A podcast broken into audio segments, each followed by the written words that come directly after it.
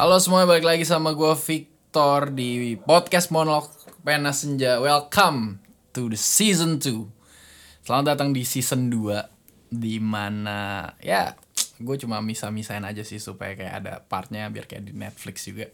By the way, uh, gue seneng banget bisa kembali. Nggak tau kayak kedengeran dari suaranya sih agak-agak joyful ya karena walaupun gak ada yang denger podcast ini yang denger sepi ya walaupun atau mungkin teman-teman gue doang yang denger bodo amat. Tapi gue sangat senang uh, shout out to Fabian Katon tentunya teman gue yang uh, bisa membuat semua ini terjadi lagi. Karena singkatnya sebenarnya kemarin tuh alat gue rusak. Jadi alat rekaman podcast ini yang proper rusak. Karena petir. Gue gue lupa deh kayaknya gue udah ngomong deh di apa namanya podcast sebelumnya atau belum tapi ya gitu singkat cerita rusak ada petir gitu. Daerah gue kemudian komputer rusak uh, banyak alat-alat yang rusak monitor rusak. Uh, sama sound card gue yang udah gue sayang banget dari dari zaman zaman gue kuliah yang gue membelinya dengan jeripayah kerja keras sendiri saat itu masih magang dapat penghasilan dikit demi dikit. Dan akhirnya gue bisa beli uh, sound card itu ya. Tapi anyway itu udah mungkin tahun berapa? 2016 kali. Jadi mungkin memang udah saatnya dia untuk beristirahat juga. Sekali lagi gue bilang uh, gue mesti bilang thank you Katon karena uh, teman baik gue ini sudah memberikan sebuah harga yang bagus untuk sound cardnya dia. Yang sebenarnya gue juga agak-agak nggak enak untuk nanya. Uh, dan dia ternyata nawarin sendiri. Makasih banget ton. Uh, gue harap lu denger podcast ini karena akhir-akhir ini lu juga denger. Anyway uh, gimana kabarnya semuanya? Gue harap kalian sehat pandemi masih berjalan. Uh, nggak banyak yang berubah dari terakhir kali. Uh, masih banyak orang-orang ngeselin di internet tentunya. Uh, ya gue masih suka kesel sama selebgram dan teman-temannya. Uh, dan uh, sedikit resolusi untuk season 2 ini gue berharap uh, akan jauh lebih oke okay, jauh lebih konsisten um, kemudian juga gue ada rencana untuk membuat podcast ini eh, nggak uh, cuma monolog lagi akan jadi sebuah dialog pena senja. Gue akan ngundang uh, teman-teman gue orang-orang yang gue kenal kita gali-gali mengenai hubungan mereka kita gali deep, deep talk dengan mereka. Uh, ya walaupun kalian nggak kenal mereka siapa tapi uh, tapi nggak cuma selebgram dan public figure yang punya cerita bagus bener gak kita semua ya kita semua punya cerita-cerita yang bagus kita punya cerita-cerita yang dalam kita punya cerita-cerita yang layak untuk di uh, apa diceritain. Nggak ada sih nggak ada cerita yang nggak layak untuk diceritain semuanya layak. Dan gue rasa teman-teman gue uh, orang-orang terdekat gue yang biasa-biasa pun ya kita semua punya kisah cinta kita kita punya perjalanan hidup kita masing-masing dan itu bukan sesuatu yang uh, berarti uh, apa ya nggak enak untuk didengar karena menurut gue it's not the matter of the people it's the matter of the story. Bukan masalah orangnya kayak gimana. Uh, eh, gue percaya sih kalian yang udah cukup dewasa bisa ngerti bahwa kalian akan lihat uh, kita akan belajar sudut pandang yang lain dari cerita. Nggak peduli siapa pun orangnya. Mungkin uh, eh, melihat orangnya ya pasti itu mempengaruhi karena kita tahu dia siapa. Kalau kita uh, dengar artis atau selebgram di podcast podcast zaman sekarang itu ya kita bisa tahu bahwa Uh, kita tahu dia siapa dan kita pengen dengar ceritanya. Tapi gue rasa kalian pun kita semua yang dengar ini pun gue pun yang bukan siapa-siapa sama. Kita semua punya cerita dan semua orang layak untuk cerita. Uh, either itu membosankan atau enggak ya itu ntar balik lagi. Tapi gue percaya selalu akan ada hal yang bisa kita petik. Akan ada perspektif baru yang mungkin bisa nyadarin kita juga yang lagi sekarang ini lagi stuck stucknya tapi anyway uh, di episode pertama ini belum ada bintang tamunya. Gue masih mencoba ngontak-ngontak temen gue karena gak gampang juga untuk ngajak mereka karena mereka juga ada pikiran kayak gitu gue siapa dan bla bla bla. Tapi gue cuman simpelnya pengen cari orang yang pengen cerita pengen cari orang yang ya pengen berbagi aja. Dan gue harap itu bisa ngebantu kalian. Uh, ya itulah. Itu adalah tujuannya. Karena gue juga ngerasa ya kalau monolog terus gue gue terus ya akhirnya gue terjebak juga selama ini dalam dengan pikiran gue sendiri yang yang sebenarnya belum tentu selalu benar ya. Sering juga salah dan perspektif gue pun nggak akan growth nggak akan berkembang. Kalau gue cuman selalu dengarnya apa yang gue bilang sendiri juga. Gue perlu juga dengar dari orang-orang lain dan gue juga penasaran banget. Gue selalu pengen uh, dengar cerita orang karena cerita orang itu adalah yang apa ya sebuah pengalaman sebuah bensin sebuah pupuk gitu di masa lalu yang membuat dia tumbuh sampai jadi dia yang sekarang dan uh, itu pun berkaitan mungkin dengan hal yang akan gue bahas hari ini. Di awal musim ini berkaitan dengan keresahan uh, gue sendiri mungkin ya. Akhir-akhir ini sering sekali merasa overwhelmed kayak lu dunia tuh berputar begitu cepat kemudian lu masih selalu berkaca dan lu ngeliat kok lu gini-gini terus gitu. Um, apa yang lu usahain kayaknya nggak jalan dengan sempurna bahkan kadang mandek kemudian uh, di saat yang sama lu ngeliat banyak teman-teman lu yang udah semakin sukses teman-teman lu yang makin uh, bagus teman-teman lu yang makin apa ya mengejar sesuatu yang kayaknya uh, kok gue nggak bisa ya kayak dia. Gue nggak tahu uh, kalian denger ini umur umur berapa tapi gue rasa ini akan relate di anak-anak yang baru lulus kuliah umur 25 yang lagi kerja awal-awal. Karena itu ya itu pun umur gue ya jadi gue ngerasain hal itu. Uh, gue mau sharing gue mau menyampaikan sesuatu bahwa take one step at a time man. Artinya ambil langkah satu-satu langkahnya. Kadang-kadang kita terjebak dengan kita tuh pengennya udah tujuan kita tuh jauh banget di depan. Kita selalu matok orang di depan sana teman-teman kita yang startnya pun beda dari kita kita nggak tahu kayak gimana perjuangannya beda tapi kita ngelihat dia udah jauh banget di depan sehingga kita kayak ada rasa pengen buru-buru juga sampai di sana dan uh, mungkin ini juga udah sempat gue bahas di minggu sebelumnya kita finish line kita beda-beda start kita pun beda-beda lah hidup itu maraton dan bla bla bla bla bla bla tapi yang sering kita lupa langkah paling awalnya. Yaitu adalah bahwa kita harus ambil langkah. Kita udah tahu nih, kita udah tahu bahwa oke, okay, uh, eh, hidup itu beda, beda-beda, semua orang prosesnya beda-beda. Terus apa? Bener gak? Pertanyaannya itu. Dan akhir ini lihat uh, akhir-akhir ini lately uh, gue juga lupa entah gue denger di mana, entah gue denger di uh, ibadah atau gue denger di film, gue lihat di film. Tapi ini sangat uh, cukup mencengak bukan mencengangkan ya apa ya menyadarkan kalimat ini one step at a time lu diingetin lagi untuk melangkah satu langkah demi satu langkah artinya lu nggak lu punya tujuan tapi lu nggak berfokus seperti diburu-burukan untuk sampai sana. Jadi yang difokusin adalah lu lakuin dulu langkah satu. Langkah pertama langkah kedua itu walaupun pelan tapi lu lakuin dengan benar. Nah ini yang sering kali kita lupa bahwa kadang kita udah merasa bisa ngelangkah bener gak kita hidup kayaknya kita udah tahu nih mau ngapain. Kita udah tahu kita punya expertise masing-masing. Uh, begitupun dalam hubungan gitu ya lu kayak udah ngerasa lu udah sering pacaran lu udah punya pengalaman bla bla bla bla bla bla. Kemudian lu jadinya ngerasa uh, uh, ngelangkah di dalam hubungan itu bukan lagi sesuatu yang uh, susah buat lu padahal ketika kita berpikir kayak gitu sering kali kita lupa detail-detail kecil eh, hal-hal sederhana fondasi paling awal yang harus kita pegang. Langkah itu kan tentang fondasi bener gak kalau ngelangkah waktu kita kecil kita belajar ngelangkah kita diajarin jatuh jatuh dulu. Ada fondasinya yang harus dibangun supaya uh, ketika kita melangkah ke depan itu akan menuju ke tujuan yang benar ke tujuan yang emang kita mau gitu.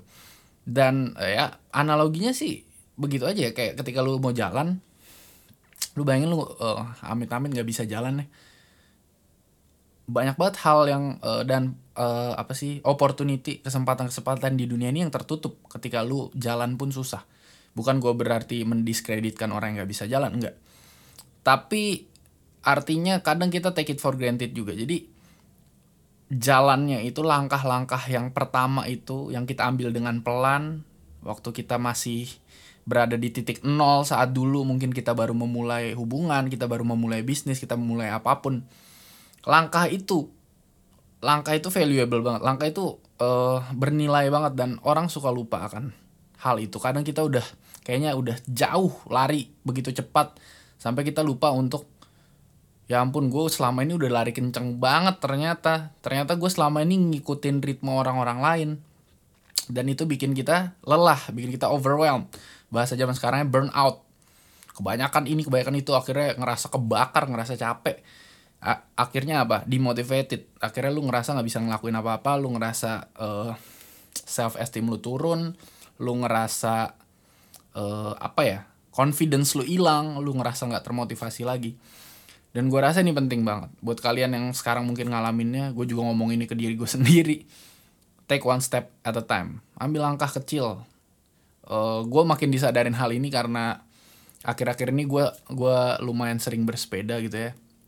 Uh, salah satu hal yang menyeimbangkan segala rutinitas gue. Kemudian ketika bersepeda kadang gue ngerasa hal itu. Ketika gue mau bersepeda gue pengen ngeraih tujuan gue pengen ngeraih trek yang jauh kilometernya jauh supaya gue uh, ngebakar lebih banyak kalori biar kurus gitu kan. Dan juga supaya ada target yang tercapai. Tapi sering kali ketika gue ngeset hal itu sebelum mulai pun gue udah ngerasa terbebani untuk memulainya. Karena ya ampun gue masih di sini lagi gue bakal bersepeda berapa 17 kilo. Ya ampun ini masih di sini. Aduh masih panjang lagi nih jalan yang harus gue laluin tapi kemudian gue inget akan hal itu. Jadi gue kayu aja dulu sepedanya satu demi satu. Gue kasih titik-titik kecil, target-target kecil di tengah uh, tujuan gue yang jauh itu. Uh, tadinya gue harus jalan ke 17 kilo, mungkin ya uh, gue normalnya segituan. Ya gue pertama 3 kilo pertama, ya udah kita jalan aja dulu 3 kilo pertama. One step at a time. Nyampe 3 kilo, oh ternyata masih oke. Okay. Lanjut lagi 6 kilo, lanjut 9 kilo. Dan begitu seterusnya. Sama lah gue rasa sama yang kita jalanin sekarang. Apa pun dalam hubungan lu lu nggak usah muluk-muluk. Pengennya lu sama dia bahagia lu semua cocok uh, gak pernah berantem gitu ya. Take one step at a time. Kalau lagi berantem sekarang selesain apa yang ada sekarang. Kalau lu lagi uh, hubungannya stuck udah mulai bosen lu bikin tujuannya. Gak usah tujuannya dulu lu pengen sama dia bla bla bla bahagia enggak. Tujuannya dulu Gimana caranya supaya hubungan lu refresh, nggak bosen lagi? Gimana supaya hubungan lu nggak ngestak lagi? Itu dulu yang lu pikirin. Gak usah pikirin sampai jauh ke depan. Karena gue tahu banyak, uh, mungkin gak semua, tapi banyak banyak dari kita yang uh, overthinking. Dan gue salah satunya orang yang apa-apa dipikirin jauh ke depan, jadinya uh, terkadang itu udah ngalahin kita duluan bahkan kita sebelum berperang gitu. Ambil satu langkah, um, langkah yang pasti langkah yang kita yakinin langkah yang pelan tapi itu punya dampak. Dan kita sepelan apa pun kita ngelangkah kita tetap jalan ke depan. Gua rasa itu yang paling penting. Um, kita nggak konstan karena konstan artinya kita nggak growth. Uh, kita nggak jalan di tempat kita nggak kita nggak berdiri di tempat aja. Tapi sepelan apa pun jalan ke depan ya tetap ada jarak yang kita raih jalannya ke depan gue selalu uh, sekarang sekarang mindset gue gue ubah ketika udah mulai capek kayak gitu gue selalu mikirin uh, ini inspirasi dari sinetron sih. Lo kalian tahu gak sih sinetron yang orang tabrakan terus tiba-tiba koma gitu kan? Um, ya di sinetron agak tidak realistis ya karena habis koma tiba-tiba dia hidup sadar baik-baik aja. Padahal sebenarnya setahu gue ya ketika kita koma itu kan uh, tubuh kita itu beberapa hal di dalam tubuh kita kayak ini disabled gitu. Maksudnya uh, ada hal-hal yang tidak bekerja karena kita waktu itu bukan kita waktu itu ya. Maksudnya dalam skenario ini tubuhnya koma. Jadi ada bagian tubuh yang nggak bisa bekerja sehingga ketika sadar pun ada proses waktu supaya itu bisa pulih gitu. Nah gue selalu uh, mencoba ngubah mindset gue gitu. Uh, ketika udah mulai capek Bayangin aja lu orang yang lagi baru pulih dari koma. Lo adalah orang yang baru pulih dari koma. Lu akan mencoba hal-hal yang dulu udah lu kuasain banget. Bahkan, bener gak? Orang baru pulih koma belajar jalan lagi, belajar megang uh, sesuatu. Karena kalau kalian lihat di TV-TV, di uh, film-film juga, dia megang sesuatu ya kayak gemeteran gitu, nggak bisa megang. Itu kan sesuatu yang sebelumnya dia bisa. Tapi karena ada hal yang terjadi di hidupnya, sehingga dia akhirnya koma dan akhirnya dia harus memulai semuanya dari awal lagi. Kalau kita jadi orang yang koma dan kita pikirannya udah pengen uh, tujuan yang jauh banget bahkan sebelum kita koma maka kita nggak akan survive gue rasa. Nggak bakal kita survive. Karena nggak usah tujuan yang jauh dulu. Ini dulu men. Jalan aja dulu bener gak ini aja dulu nih pegang teh botol dulu minum sendiri gitu. Nggak usah dibantuin suster. Itu dulu bener gak Walaupun sebelumnya kita udah menguasai hal itu, kita minum teh botol mungkin sambil lempar-lempar gitu ya. Tapi kan kehidupan begitu ya. Uh, some shit happens all the time. dan kita harus adjust dan kalau itu artinya kita harus mulai menapaki jejak-jejak yang dulu kita lakuin ya lakuin kalaupun jejak-jejak itu apa langkah itu kita udah bisa langkah lain yang belum pernah kita bisa itu lakuinnya pelan-pelan gak usah terlalu terburu-buru. Uh, dari tadi gue bahasnya soal ya itu istilahnya kalau orang koma kan dia ngulang dari awal. Tapi ada situasi-situasi juga di mana kita lagi mau mencoba sesuatu yang baru kita udah terjebak sama rutinitas kita udah ngestak um, apalagi pandemi kayak gini mikir semuanya sendiri perang sama pikiran sendiri. Apa yang kita lihat sosial media doang akhirnya compare kita sama orang lain nggak akan pernah selesai ketika mau coba sesuatu yang baru take one step at a time. Uh, ya mungkin dalam bisnis gitu ya walaupun gue juga gue siapa gitu gue nggak berpengalaman kali ini. Tapi gue rasa mindsetnya yang bener ya menurut gue uh, mulai dulu mulai kayak Tokopedia bener gitu. Maksudnya mulai aja dulu karena kalau lu mau jalanin bisnis mikirnya udah akhirnya gimana nanti bakal sukses atau enggak gitu nggak bakal selesai sih menurut gue kecuali lu sultan dengan banyak uang dan lu sekalipun gagal lu bisa nge-backup kapan pun gue rasa nggak akan selesai. Nggak akan bukan nggak akan selesai bahkan. Nggak akan mulai sama sekali. Sama lah dalam hubungan lu one step at a time lu nih orang-orang yang jadi secret admirer yang cuma ngagum-ngagumin jarak jauh nge-tweet nge-tweet no mention update WhatsApp story seolah-olah dia peka pas dia ngesin terus lu seneng. Ya one step at a time lu tuh berani dulu ngomong sama orangnya lu nggak usah mikirin nanti lu jalan sama dia nanti lu mau bayarin dia makan gimana nanti lu mau jemput dia pakai apa. Perasaan lu dulu men paling sederhana tuh. Keluarin dulu. Kalau itu udah terjadi ya lu akan ngambil step selanjutnya. Benar gak nggak usah muluk-muluk gitu. Tujuannya ya gue tau lah kita punya planning bla bla bla bla bla bla. Tapi jangan overwhelmed sama hal itu. Jangan kalah dulu sama tujuan kita yang kita buat sendiri yang mungkin ceweknya juga nggak mikir sampai sana gitu. Dan dia juga nggak expect sampai sana. Cuman karena kitanya aja sendiri yang ya terlalu sibuk ya dengan pikiran sendiri terjebak akhirnya itu yang terjadi.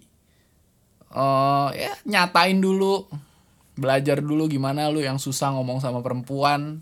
Bukan cuma ya perempuan ya. Karena cewek-cewek nggak mau nembak kan cewek-cewek yang pengen ya aku nikah digantungin mulu. Gue sempet bikin bikin Q&A akhir-akhir ini. Oh aku digantungin gimana pak? Eh pak gimana kak? Pergi atau bertahan? Gue banyak banget pertanyaan kayak gitu. One step lu apa ke depan yang paling sederhana dulu? Lu pergi atau bertahan lu aja nggak tahu dia suka sama lu atau enggak dia aja nggak tahu lu suka sama dia. Eh lu mau mau bertahan mau pergi apa? Dia aja nggak tahu apa-apa gitu kan atau dia udah tahu terus lu digantungin. You one step at a time lu adalah tentukan pilihan lu. Tentukan pilihan lu lu mau digantungin terus ambil. Atau lu mau cabut walaupun sakit hati tapi lu jalan ke depan lu nggak lagi nginget-nginget. Makanya gue gue benci sih sama orang-orang yang uh, kalau gue nanya apa apa selalu pembahasannya tuh soal mantan. Ini mantan. Karena menurut gue mantan tuh uh, cerita lama mantan itu adalah uh, Indomaret yang udah lu lewatin berapa kilo ke, ke belakang gitu bukan berarti nggak ada chance untuk lu uh, balikan sama mantan ya gue nggak tahu orang kan ada mantan yang baik putusnya pun kan alasnya macem-macem tapi kalau sampai mikirin mantan bikin lu ngestak, sampai lu nggak bisa maju ke depan, ya itu maka salah, men. Maka lu jalan ke depan, cari yang cari yang lain gitu. Jangan sampai lu ngestak lu ngerasa mantan lu yang terbaik. Ah. Yang terbaik itu kan di pikiran kita, kita selalu bisa bikin orang lain terbaik kok. Kita akan nemuin kok orang-orang yang lebih baik lagi. Ya mungkin, mungkin ya. Karena bisa aja emang mantan lu yang terbaik. Gue gue siapa? Gue bukan Tuhan gitu. Tapi intinya jangan ngestak akan hal itu jangan lu jadinya lu nggak bisa ngapa-ngapain lu jadi kepikiran itu terus sama aja men sama kayak orang udah bisnis terus dia udah capek disesalin terus apa yang udah dia gagal gak akan maju orang yang maju itu ya orang yang udah terima berdamai sama hal itu dan dia maju ke depan. Eh uh, gila gimana? Episode satu cukup so tau ya. Ya itulah uh, harapan gue adalah siapa pun yang mendengar ini kalian bisa mulai melangkah saat sedikit demi sedikit. Kalau kalian emang sekarang lagi ngerasa capek lagi ngerasa nggak ada sesuatu yang bisa kalian lakuin kayak lu merasa nggak punya pilihan padahal sebenarnya pilihan ada. Uh, lu yang rasa udah mencoba banyak hal lu punya banyak tujuan lu punya banyak ide lu punya banyak keinginan lu punya banyak mimpi-mimpi. Tapi lu selalu kalah sama perasaan lu sendiri yang gak berani ngemulai yang lu selalu ngerasa lu nggak akan sampai di finish yang begitu jauh itu. Ambil langkah sedikit demi sedikit. Selalu inget itu aja udah. One step at a time. Buat diri gue juga kalau nanti lu udah umur berapa atau ya kapan pun lu denger rekaman ini lagi inget hal itu. One step at a time. Jangan serakah jangan pengennya langsung sampai sana sampai sini. Ikutin pace lu sendiri yang penting maju ke depan. Yang penting jadi orang yang bertumbuh untuk menjadi orang yang lebih baik. Ya yeah, that's it ya gue rasa itu untuk pembahasan di uh, season kedua episode pertama mengenai kok mengenai? Uh, monolog pena senja. Gue harap episode kedua udah jadi dialog pena senja. Begitupun seterusnya. Uh, doain aja supaya lebih lancar. Dan kalau kalian yang punya cerita cerita-cerita yang pengen curhat uh, banyak sebenarnya yang pengen pengen curhat. Cuman curhatnya di DM gitu curhatnya di FB gue males balesinnya dan ya kalau gue lagi mood mungkin gitu. Karena gue juga kadang-kadang aduh ngapain urusan gue sendiri aja nggak nggak beres-beres gitu.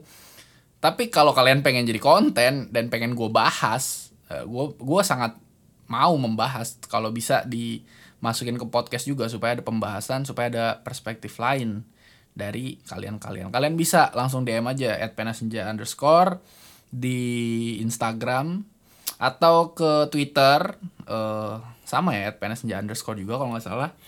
Atau ke email. Ya gue nggak tahu sih banyak kalian bocah-bocah gitu ya emailnya email bodong semua. Tapi kalau ada yang mau email at pena x pena x senja at gmail.com lu bisa email ke situ lu cerita apalah uh, gua nggak gua nggak jamin akan menyelesaikan masa lalu tentunya karena gue bukan gue bukan motivator gue bukan psikolog dan siapa pun. Tapi setidaknya kita bisa ngelihat kacamata yang lain lah dan ya orang yang orang yang buntu setidaknya bisa dengar uh, pendapat orang lain. Dan ya gue gua nggak nggak menjamin gue benar tapi gue bisa menjamin bahwa gue akan berikan pendapat yang terbaik. Oke okay? asal lu nanya nggak ngeselin. Kalau ngeselin gue pasti marah-marah. Uh, oke okay, itu aja. Uh, ya bercanda lah nggak usah marah-marah. Gue rasa itu aja. Uh, sekali lagi glad to be back. Gue seneng banget bisa balik lagi uh, ternyata cukup hampa tanpa bikin podcast beberapa uh, bulan ini. Berapa bulan ya berapa bulan ini cukup hampa ternyata nggak bisa bikin podcast. Dan semoga aja season 2 ini akan berjalan lebih mulus lebih lancar. Uh, ya ke depannya lebih baik lah. Aduh klise banget ya lebih baik. Ya itulah. Kalau ada sponsor gitu kan biar nih podcast gak gini-gini doang gitu. Ya bisa lah gitu Oke, itu aja dari gua Victor. Semuanya thank you yang udah mau dengerin uh, monolog pena senja ini. Semoga kalian diberi kesehatan selalu. Apalagi udah ya. Oke. Okay. That's it. I'll see you next episode. I'm Victor Chow. Peace.